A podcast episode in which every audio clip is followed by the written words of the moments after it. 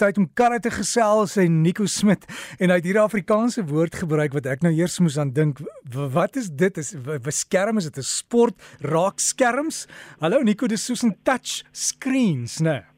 Reg, weet jy wat ek sê al ek sê al gereeld met hierdie ehm um, Engelse terme wat ek so in die motorbedryf gebruik en en ek is seker daar's Afrikaanse terme, maar ek ken baie maal van hulle self nie. En ehm um, in Partymal werk dit ook nie om die woorde mooi van Engels na Afrikaans te verander nie, maar 'n touch screen in Engels is Afrikaans verstaan ek as 'n raakskerm. En ek het 'n vraag gehad oor ehm, 'n um, raakskerm en en die persoon sê, weet jy wat, ek ry 'n kar met met gewone ehm um, uh, kom as jy knop en hoe kos dit maar knoppies en ehm um, uh, hy het nou gesien oor al hierdie nuwe raakskerms in karre en, en die vraag is maar hoe maklik is dit om al hierdie raakskerms te gebruik? En as ons eintlik teruggaan na die geskiedenis van raakskerms is hulle nou al vir eintlik 'n hele rukkie in motors. Die eerste raakskerm was in 1986 in die Buick Riviera. As jy nou na hom kyk, lyk dit eintlik nogal snaaks uh, as jy kyk in vergelyking met hoe raakskerms nou ehm um, werk. Ehm um, natuurlik die eerste stelsel ehm um, wat ehm um, wat baie kom ons noem dit 'n moderne stelsel waarna ons gewoond was as BMW met hulle stelsel wat hulle genoem het iDrive. Die eerste een was nie so suksesvol nie, maar dit was definitief 'n revolusie in vergelyking met wat ander vervaardigers aangebied het. So as jy dan kyk na die teorie van hoe kar se beheer, ons is die uitleg van die kom ons noem dit die paneelbord van die dash in Engels werk, is daar drie areas. In Engels praat hulle van primary, tertiary en secondary. En in Afrikaans neem ek aan dis primêre, die primêre beheerstelsel of primêre inligting, dan sekondêre inligting en dan tersiêre inligting. Die primêre een is is die spoedmeter as jy nou voor jou kyk, die spoedmeter en die revolusiemeter en die temperatuurmeter. So die primêre is alles wat uh, al die beheergoeders wat doen met veiligheid. So met ander woorde, wat se spoed ry jy? Waar skakel jy die ligte aan of is dit reën? Waar skakel jy die ruitveers aan? Die sekondêre um, stelsel in die kar gebruik baie minder gemin tyd en min aandag om te verander. Dis byvoorbeeld as jy die ehm um, die temperatuur in die kar wil ehm um, uh, opdraai of of minder maak of sê die waier wil wat vinniger waai. Dis die sekondêre ehm um, stelsels. En dan die wat bekend is in uh, in Engels is die tertiary ehm um, um, controls of die kom ons noem dit dan tersiêre ehm um, verstellings. Dit gebeur baie min maar neem baie konsentrasie. Dis byvoorbeeld as jy jou persoonlike verstellings doen in die kar.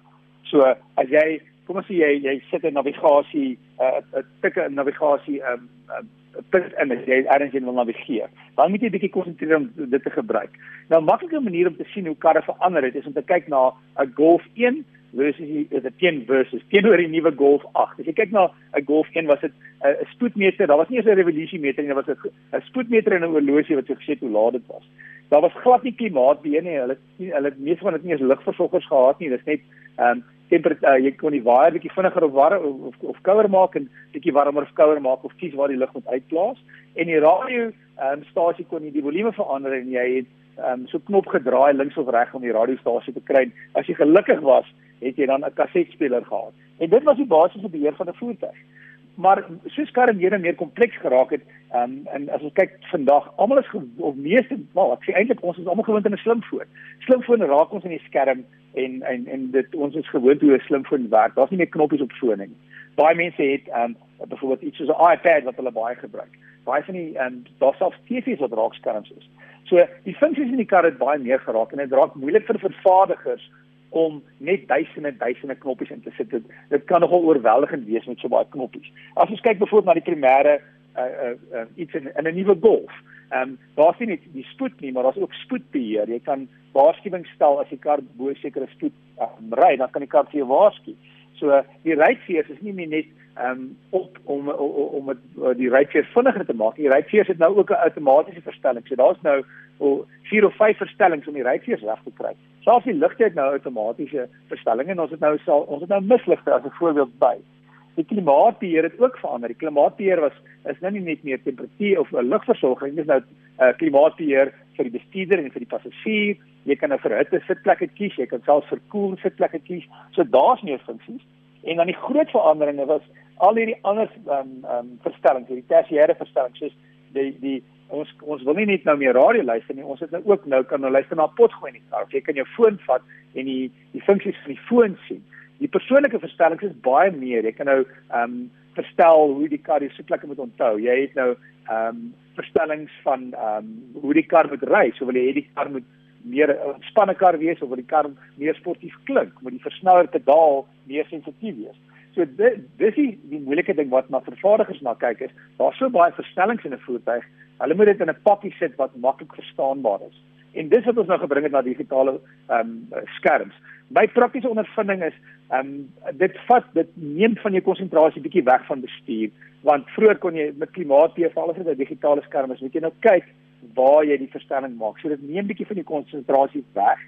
Ehm um, die die ander ding is ook jy moet probeer om die verstellings te maak voor die tyd en nie terwyl jy bestuur dan nou jou jou jou jou klein verstellings in die kar te maak oor al hierdie detail verstellings. Ook wat die vervaardigers baie goed doen is baie van die inligting is nou voor jou ehm um, waar jy vroeër net 'n speedometer en 'n revolusiometer gehad het, is dit nou 'n digitale verstelling en jy kan eintlik al die verstellings doen uh, wat jy op jou uh, tersiêre en sekondêre verstellings kan maak, kan jy nou van die stuurwiel af voor jou doen. Maar prakties uh, stem ek definitief saam met die luisteraar, dit vat bietjie van die konsentrasie weg. En veral met 'n nuwe kar moet mense nog konsentreer. Dit kan gevaarlik wees as jy rondry en jy jy is nou besig met hierdie skerm en en al die knoppies wat daar is in plaas van om besig is om te bestuur. So daar ek dink daar's ons kan nie wegkom daarvan nie. Ons gaan dit net meer en meer sien as jy kyk nou na Mercedes-Benz en hulle nuwe S-klas, hulle iets wat hulle noem 'n hyperscreen. En dis een groot skerm um voor die bestuurder en die passasier. Dit is nogal iets om te sien of iets om te beleef. Ja, 'n skerm. En dit waar al die verstellings is.